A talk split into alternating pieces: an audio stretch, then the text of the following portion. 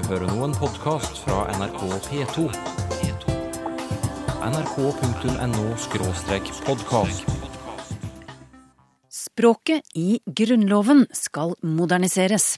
Men hvor går grensen? Jeg ønsker ikke å gjøre Grunnloven til en sånn alminnelig hverdagsprosa. Jeg ønsker å ha en viss høyde, litt verdighet, litt edelhet, om jeg så må si.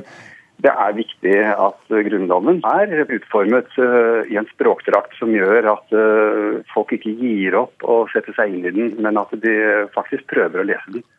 Hør også hvordan tekniske framskritt i hjemmet ga ny betydning til gammelt ord.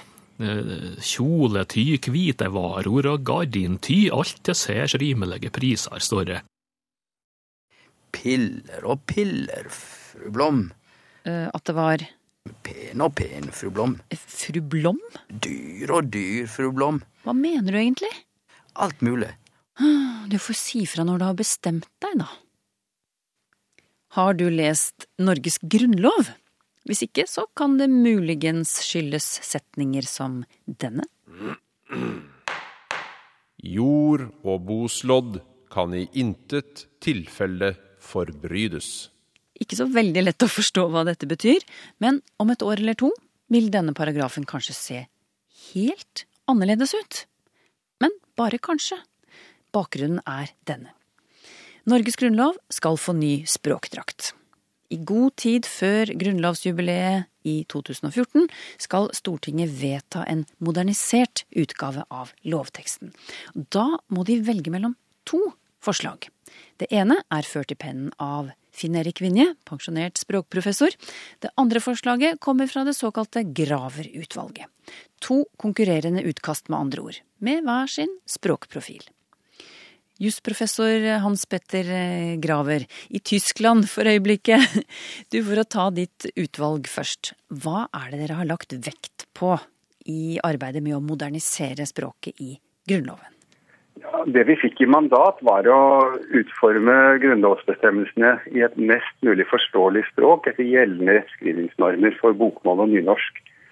Eh, Og det er jo det vi har eh, lagt til grunn for arbeidet også. Eh, Men i tillegg så ligger selvfølgelig grunnlovsteksten som den er der, ligger der jo som sterkt førende. Både fordi den eh, nye tekstversjonen ikke skal eh, innebære noen endringer i innholdet av reglene, eh, men også fordi når man arbeider med Grunnloven, så ser man at den er utformet på, med et veldig godt og presist språkkøre.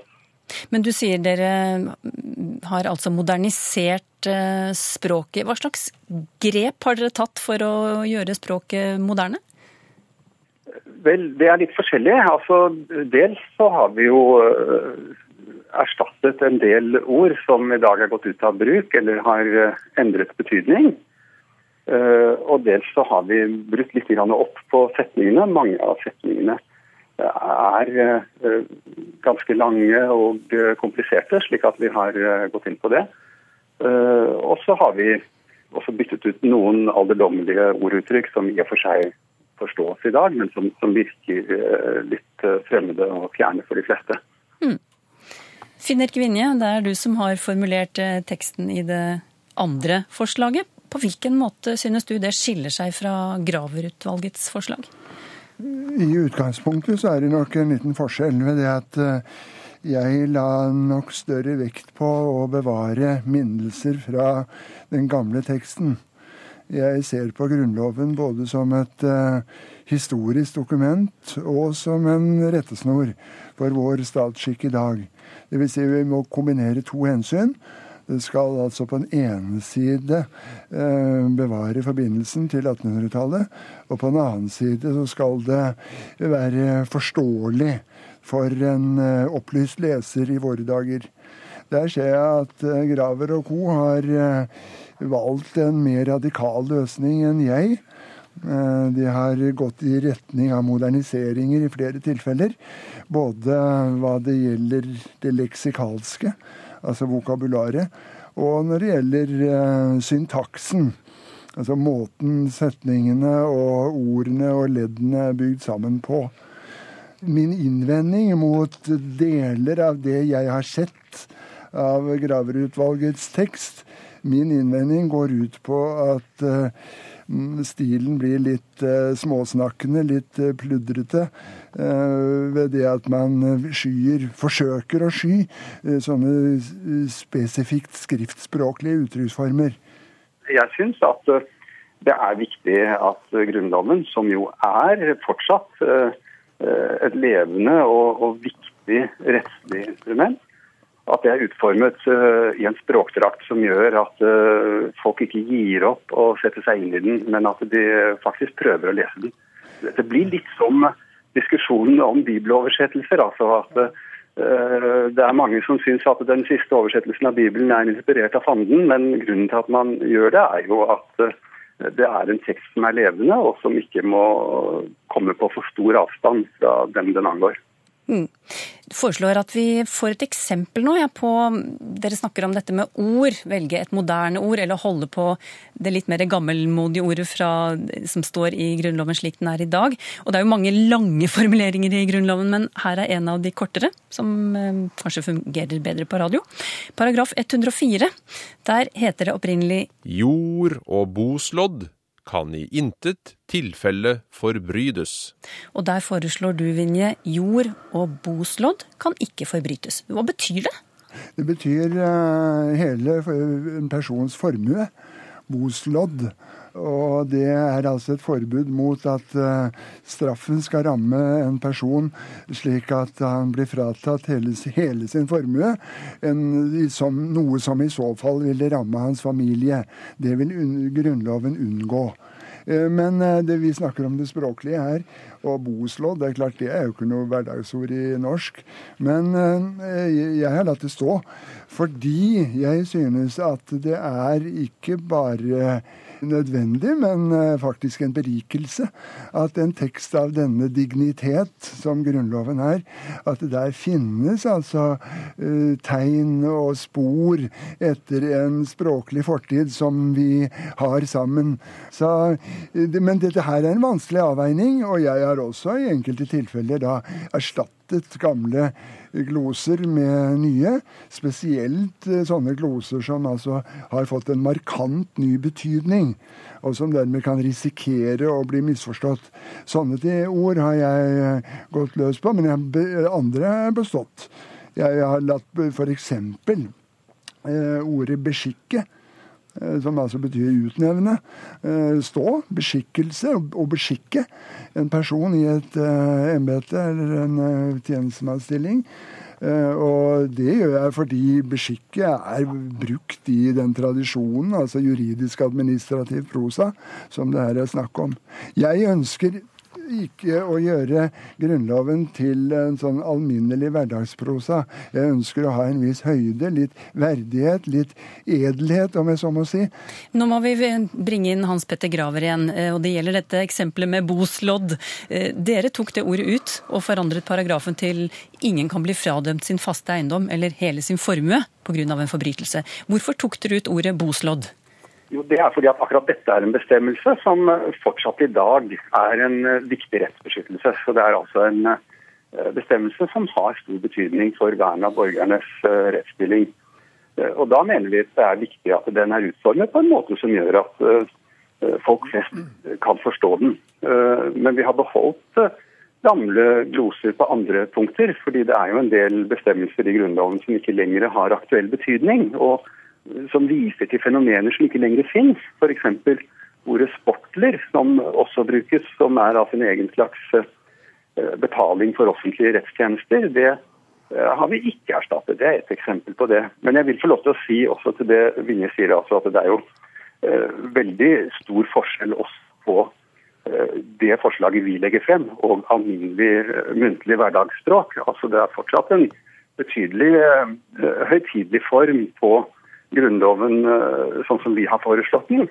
Eh, Og jeg syns det er også viktig å huske at da Grunnloven ble skrevet, så var det ikke veldig stor forskjell på teksten i Grunnloven og eh, det vanlige skriftspråket. Så det er ingenting som tyder på at grunnlovsfedrene så å si, ønsket at språket i Grunnloven skulle være veldig forskjellig og veldig mer uforståelig enn språket som ble brukt i offentlige dokumenter eh, mer generelt på den tiden.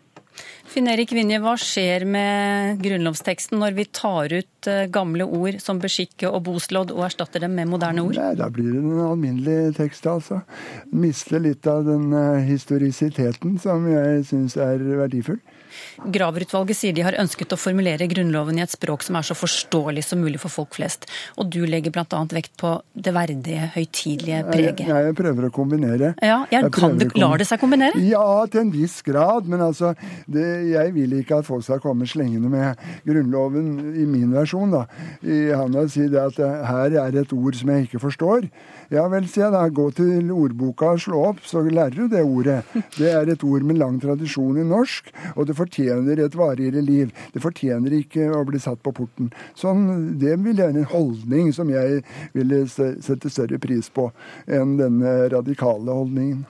Klar melding ut fra språkmannen Finn Erik Vinje. Jeg kan jo legge til at det i sin tid var FrPs Carl I. Hagen som ba Vinje om å skrive en modernisert utgave av Grunnloven, på bokmål. Jusprofessor Hans Petter Graver og hans utvalg de har skrevet en versjon på bokmål og en på nynorsk, på oppfordring fra Stortingets presidentskap. Så Stortinget får altså to konkurrerende bokmålstekster å velge mellom, når de etter hvert skal bestemme hva slags språkdrakt den nye utgaven av Norges grunnlov skal ha. Hvordan kan dette ha noe med dette å gjøre?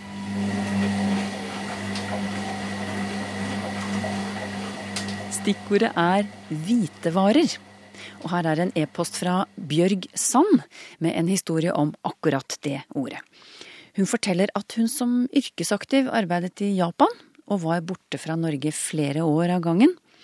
Hver gang jeg var på hjemmebesøk, skriver hun, oppdaget jeg nye ord og uttrykk som folk hadde tatt i bruk mens jeg var borte.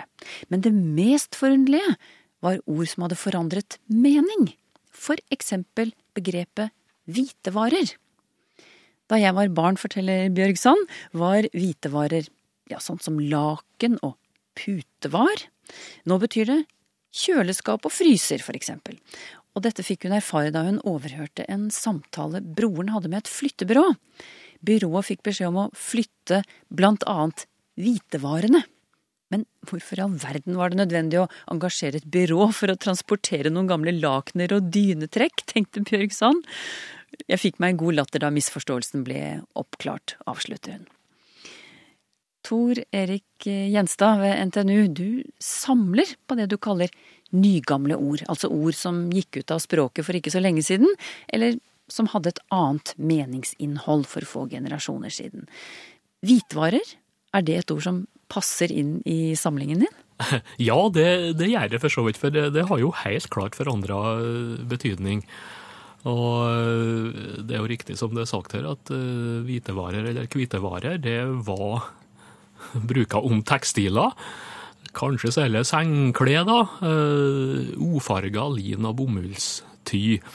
Og det, det, er jo den første og den kanskje mest opprinnelige betydninga.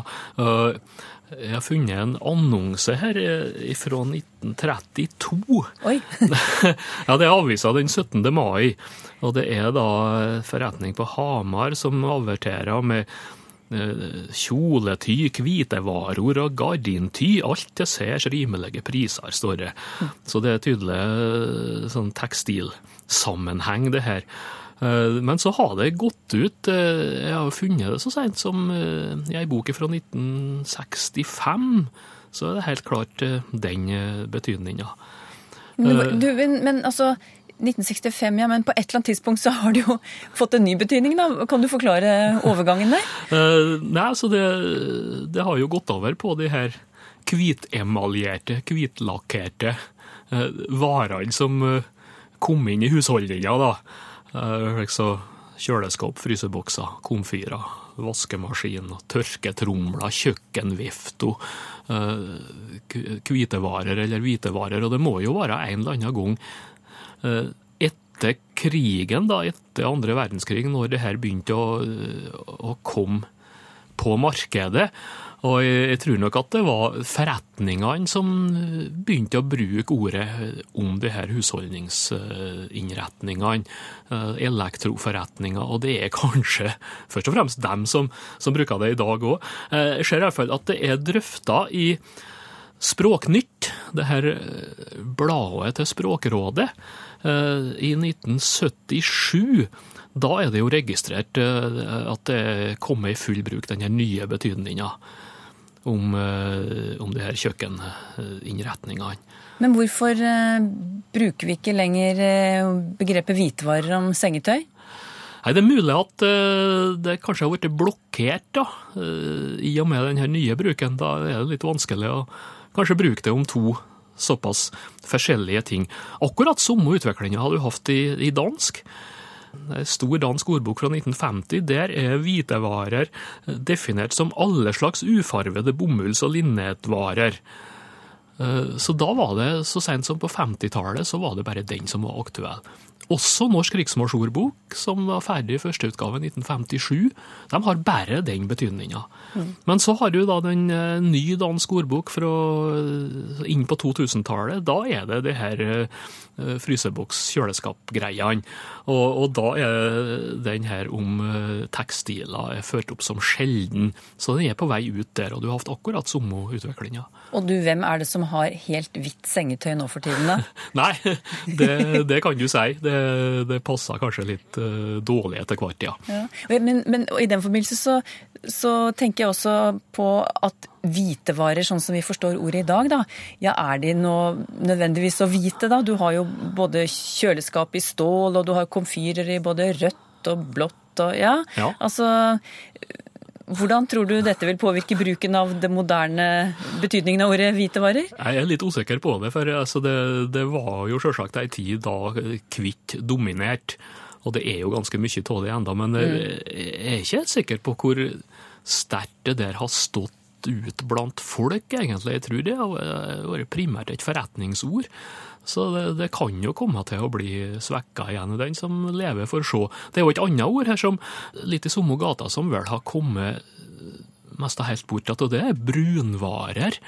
Om eh, radioer, TV-er, stereoanlegg og slike ting. Det var jo i bruk en periode, men det, det hører en ikke noe mye til lenger. Nei, kanskje fra den tiden hvor alt skulle være i teak? Det kan godt, eh, godt være det, for det var jo brunt, eh, slike Ja.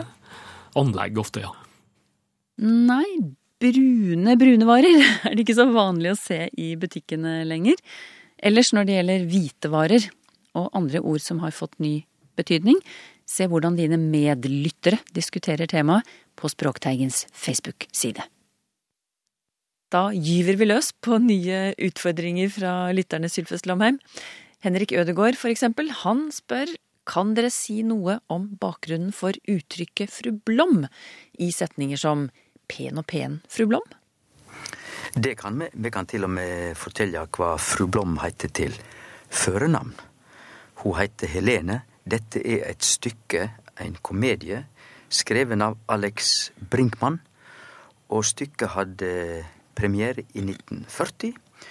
Og den som spilte sammen med fru Blom i dette stykket, var en doktor Holm. Eh, Han som framstilte doktor Holm i komedien, heter Per Aabel. Og dette er en replikk fra den komedien. Det som er det spesielle med denne replikken, var at Alex Brinkmann ikke hadde det i manuset. Men Per Aabel han syntes det passa så godt i en bestemt scene at han la inn sin egen replikk. Han står og snakker til fru Blom. eh, Doktor Holm er da hennes doktor. Og han sier hun vil eh, ha piller, og så sier han piller og piller, fru Blom sier da doktor Holm. Og dette har seinere blitt et fast uttrykk i norsk, som vi skifta ut eh, piller og piller med alt med pen og pen, fru Blom, dyr og dyr, fru Blom, alt mulig. Og pavsmannen er Per Aabel 1940. Vi tar med et spørsmål til fra Henrik eh, Ødegaard. Det er et fenomen som vi har snakket om i Språkteigen tidligere, men det er mange som skriver til oss om akkurat dette. Bruken av uttrykket 'hva tenker du?' Ødegaard sier han hører mye på radio, og synes oftere og oftere at ordet 'tenker' brukes der man burde si mener. Hva tenker du når du hører om dette? Og så svarer intervjuobjektet da ja, jeg tenker at osv. Han vil ha dine tanker om dette, Sylfest Lomme. Her veit jeg at her blir jeg en sur eldre mann. Fordi at det er ikke tvil om at dette er en ordbruk som eh, er utbreid blant de yngre språkbrukerne i norsk.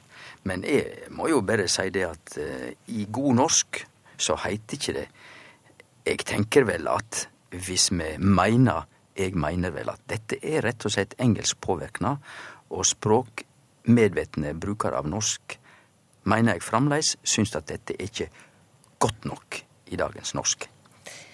Liv Blix Austad spør kort og godt hvor kommer ordet slabberas, som i kaffeslabberas, fra?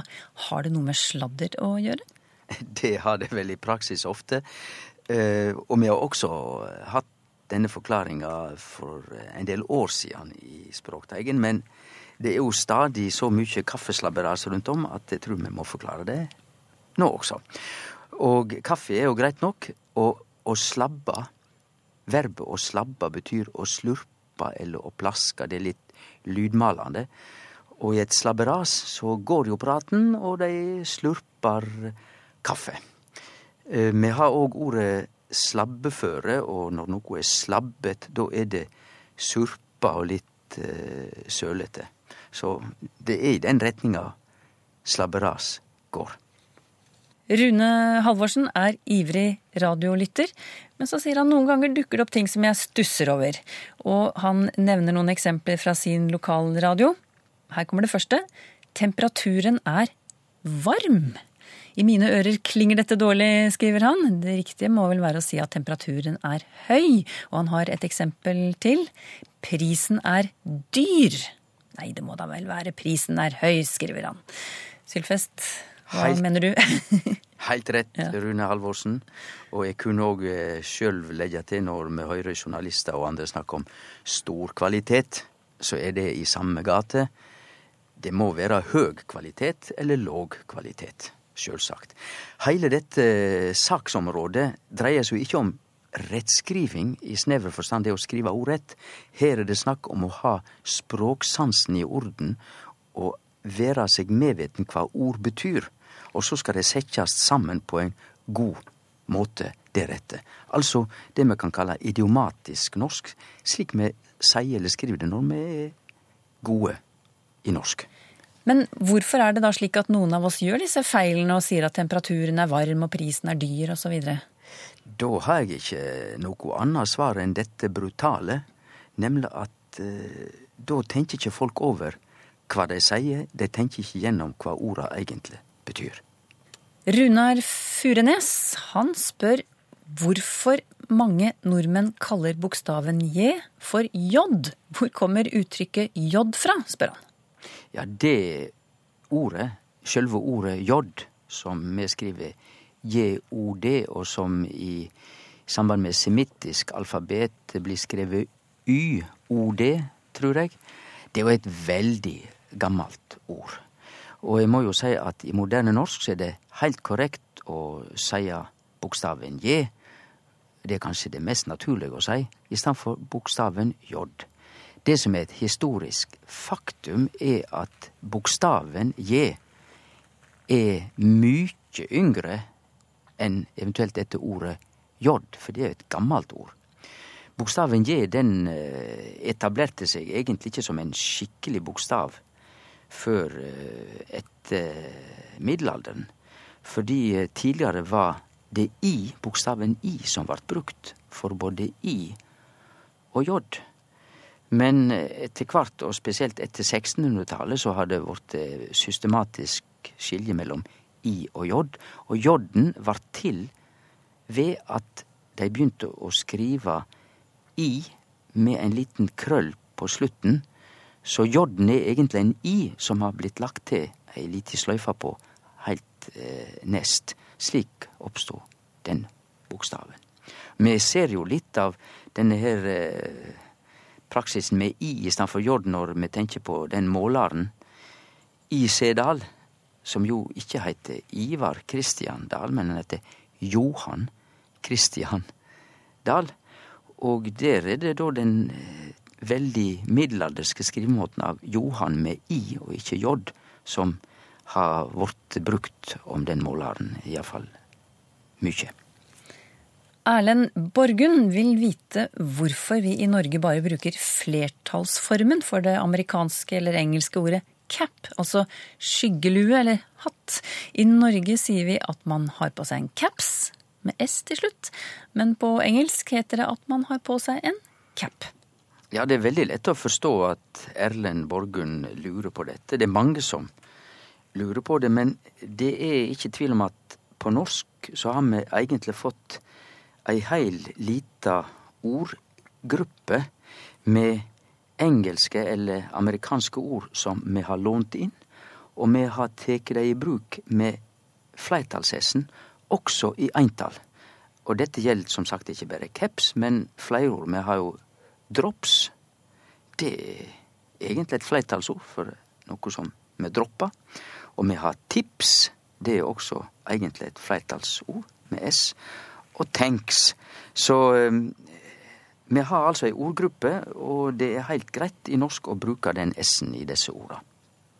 Men hvorfor har vi tatt i bruk flertallsformen av disse ordene, når vi egentlig snakker om jeg si, eller bare én ting?